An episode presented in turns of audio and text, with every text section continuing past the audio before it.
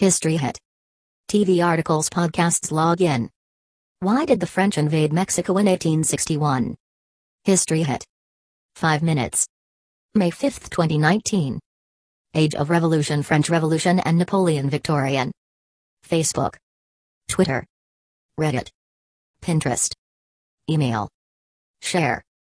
In one of the stranger wars of modern times, the Second French Empire landed its troops in Mexico in 1861, which was the beginning of a bloody war that would drag on for another six years. The high point for the French came in the summer of 1863, when they managed to capture the capital and install their own regime.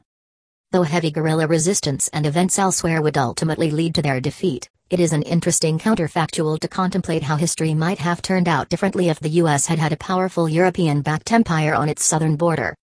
Saul David, historian, broadcaster, and author of several critically acclaimed works of fiction and nonfiction, comes on the show to discuss the most brutal and controversial British imperial conflict of the 19th century, the Anglo Zulu War of 1879. The Road to the War. The cause of the war seems strangely trivial to modern readers. As independent ex colonies like Mexico grew more economically important throughout the 19th century, the world's great powers in Europe began to invest in their development. The accession of Benito Juarez, a brilliant nationalistic politician of indigenous descent, changed this in 1858, as he began to suspend all interest payments to Mexico's foreign creditors. The three countries most affected by this, France, Britain and Mexico's old master Spain, were outraged, and in October 1861 they agreed to a joint intervention at the Treaty of London, where they would invade Veracruz in the southeast of the country in order to put pressure on Juarez. Coordinating the campaign was remarkably swift, with all three countries' fleets arriving in mid-December and advancing without meeting much resistance until they had reached their agreed destinations at the border of the coastal state of Veracruz. Napoleon III, Emperor of France, had more ambitious aims, however, and ignored the terms of the treaty by advancing to take the city of Campeche by seaborne assault, before consolidating this new gain with an army. Realizing that it was their partner's ambition to conquer all of Mexico, and disturbed by both the greed and naked expansionism of this design, the British and Spanish left Mexico and the coalition in April 1862, leaving the French on their own. The French rationale? There are probably several reasons for this imperialistic French attack. Firstly, much of Napoleon's popularity and credibility came from his emulation of his famous great-uncle Napoleon I, and he probably believed that such a bold assault on Mexico would secure this for him. Dan talks to Adam Zamoyski, a historian who has recently written a new biography of Napoleon. Secondly, there was the issue of international politics. By creating a European Catholic empire in the region, French ties with the Catholic Habsburg Empire, which she had been at war with as recently as 1859, would grow stronger in a time of shifting power structures in Europe with Bismarck's Prussia growing ever stronger. In addition, the French were suspicious of the growth and power of the United States in the north, which they saw as an extension of their rival empire Britain's liberal Protestantism.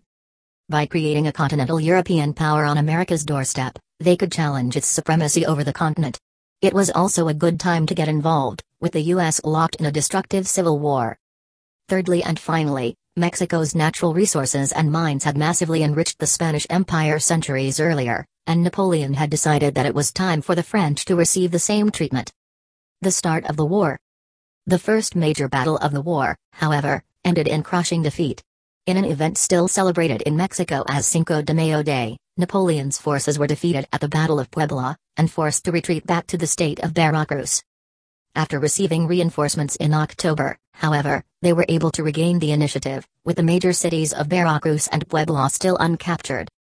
In April 1863 the most famous French action of the war took place, when a patrol of 65 men of the French Foreign Legion was attacked and besieged by a force of 3,000 Mexicans in a hacienda, where the one-handed Captain Danjou fought with his men to the last, culminating in a suicidal bayonet charge. By the end of the spring, the tide of the war had swung in their favor, with a force sent to relieve Puebla defeated at San Lorenzo, and both the besieged cities falling into French hands.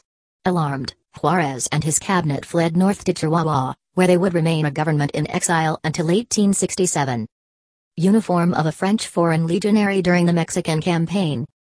With their armies defeated and their government fled, the citizens of Mexico City had little choice but to surrender when the victorious French troops arrived in June. A Mexican puppet, General Almonte, was installed as president, but Napoleon clearly decided that this in itself was not enough, For the following month, the country was declared to be a Catholic empire.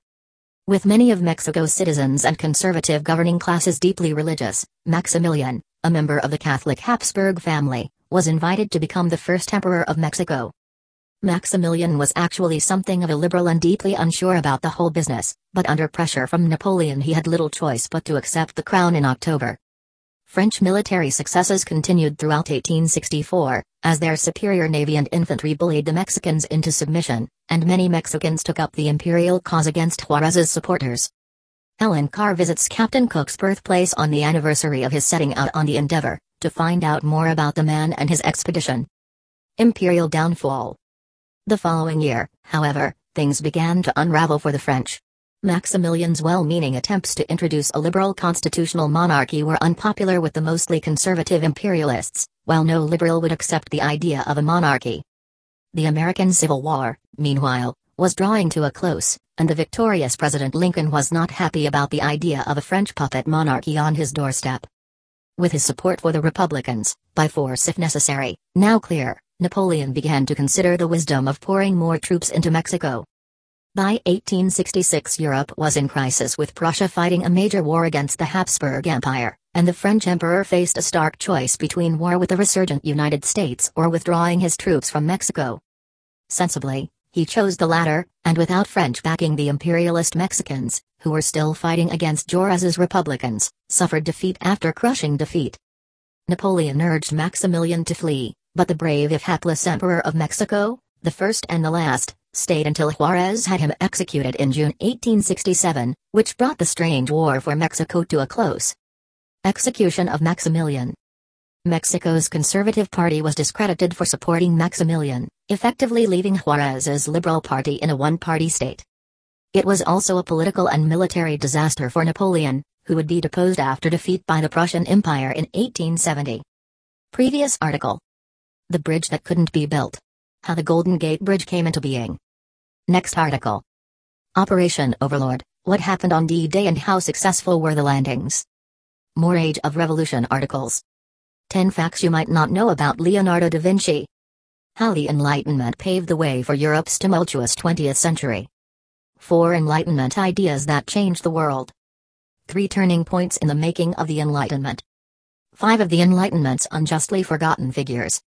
How significant was the Battle of Austerlitz? Articles by period. Ancient and Classical. Middle Ages. Vikings. Early Modern. Age of Revolution. Victorian. 20th Century. First World War. World War II. Latest articles. Flesh of the Gods 10 Facts about Aztec Human Sacrifice. 10 of the deadliest pandemics that plagued the world. How Gaius Marius saved Rome from the Cimbri. 5 infamous witch trials in Britain. 5 great female rulers of ancient Egypt. 10 facts about Ramses II. 10 of the world's most extraordinary female explorers. What did the Aztecs eat and drink? Mexican food of the Middle Ages. The 8 most important gods and goddesses of the Aztec Empire. 15 explorers who changed the world. Report this ad. History Hit brings you the stories that shaped the world through live events, an award winning podcast network, and our new online only history channel. Explore History Hit. Events. Privacy Policy. About. Contact us. Founders Wall. Subscribe to our newsletter. Full name. Email address. You agree to send your info to History Hit who agrees to use it according to their privacy policy. This website uses cookies to provide you with the best browsing experience. Find out more or adjust your settings. Accept. Ads help us run this site.